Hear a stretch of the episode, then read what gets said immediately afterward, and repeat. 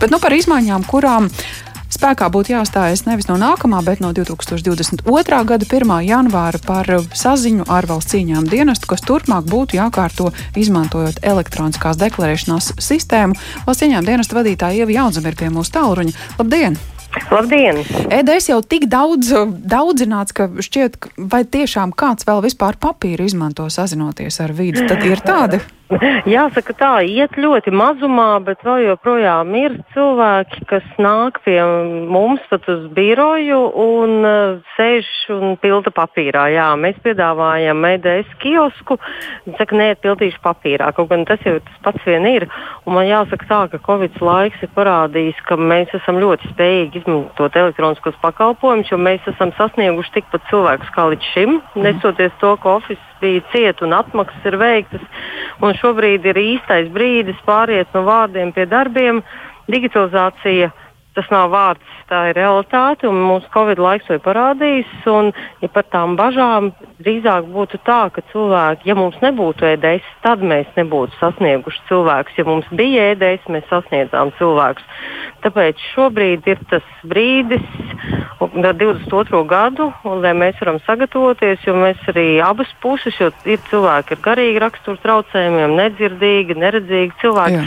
mēs varēsim pielāgot savus sistēmas un arī savus apkalpošanas modeļus. Un, un, es tiešām esmu pārliecināts, ka visi varēs savus pakalpojumus saņemt un mūsu sasniegt. Nu jā, bet uh, tās sākotnējais skatījums no sājumas budžetu komisijas puses ir, ka tie grozījumi mudinātu tikai uzņēmējus savus jautājumus risināt ar vide EDS sistēmā. Uh, tā skaitā tos um, privātpersonas, kas, kas, kas arī ir kā uzņēmēji, vai šobrīd vispār ir vēl nepieciešams šādi diferencēt? Nu, nav jau tā, ka tas progress ir tiešām aizvirzījies tik tālu, ka, ka visi spētu šos jautājumus risināt elektroniski? Mana pārliecība ir, ka visi var, bet mēs respektējām lielā mērā arī to, ko teica deputāti. Jo nes kādēļ, kā es arī minēju, saimnes komisijas sēdē, nu šobrīd mēs neredzam, ka tā ir problēma, bet uh, bija, bija tautas balss, kas teica, ka jā, ka tomēr vajag to darīt. Šobrīd mēs redzam, jā. ka saimniecības, saimnieciskās darbības veicēji tiešām jau tagad lielākā daļa mūs sasniedz un to dara. Tādēļ es neredzētu lielas bažas. Es domāju, ka tur bija zināma tāda neizpratne, vai nu, jā, es domāju, ka neizpratne gadījumos, kad mēs runājam par fizisku personu, te pašā laikā par saimnieciskās darbības veicēju. Tā kā mhm. es tiešām domāju, ka saimnieciskās darbības veicēju juridiskas personas jau nu gan ir spējīgi sasniegt un to arī dara. Nu, tā privāta personas varam iedomāties, ka cilvēks ir pārliecināts, ka uz papīra ir drošāk to visu izdarīt, bet no tiem, kas uh, izmanto papīru, aizpild dažādas iesniegumus, ir arī kādi uzņēmumi pārstāvi, varbūt uh, mikro uzņēmumu pārstāvi, tie, kas pie jums birojā nāk papīra lietas kārtot. Godīgi sakot, manā statistikā tādu bija maz un gandrīz nemaz. Un, tur ir droši ļoti īpaši apstākļi, kad tas ir bijis. Tā kā, tā kā šeit mēs tiešām vairāk, 5%, ko mēs runājam, pārsvarā ir fiziskās personas, kuras uh, sniedz deklarācijas. Bet, nu, jā, šajā gadījumā es domāju, ka tas progress uh, ir viegli un uh, salīdzinoši ērti sasniedzams. Mm -hmm. nu, Aizvien pieņemam, ka ir cilvēki, kuriem mājās nav interneta, kuriem iespējams pašvaldība ir tālu, kuri varbūt netiek pie bibliotekas interneta un tādēļ nevar šos jautājumus kārtot. Vai ir vēl tādi cilvēki, ar kuriem valsts ieņēmuma dienestam, droši vien privātpersonas, jākārto nodokļu atmaksa, kur cilvēkiem varbūt nemaz nav bankas konta? Ziniet, šobrīd bankas konts ir diezgan obligāts. Tas būtu mazāk iespējams. Un, ja viņš veic saimniecisko darbību, tad šobrīd bez interneta mēs droši vien visi saprotam, ka tas nav iespējams. Savukārt fiziskām personām konts bankā ir. Un tie, kas, jā, jā, tie, kas pie mums vēršās, tiem ir pietiekami liela ieņēmuma, lai saņemtu šo atmaksu.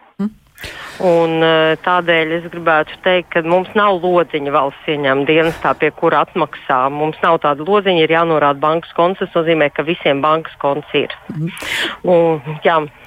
Skaidrs, paldies par šo skatījumu uz situāciju valsts ieņēmuma dienesta vadītāja Ieva Jaunzem pie mūsu tālruņa un sarunu turpināšu ar saimnes deputātu no Nacionālās apvienības Ilzi Indriksonu. Labdien!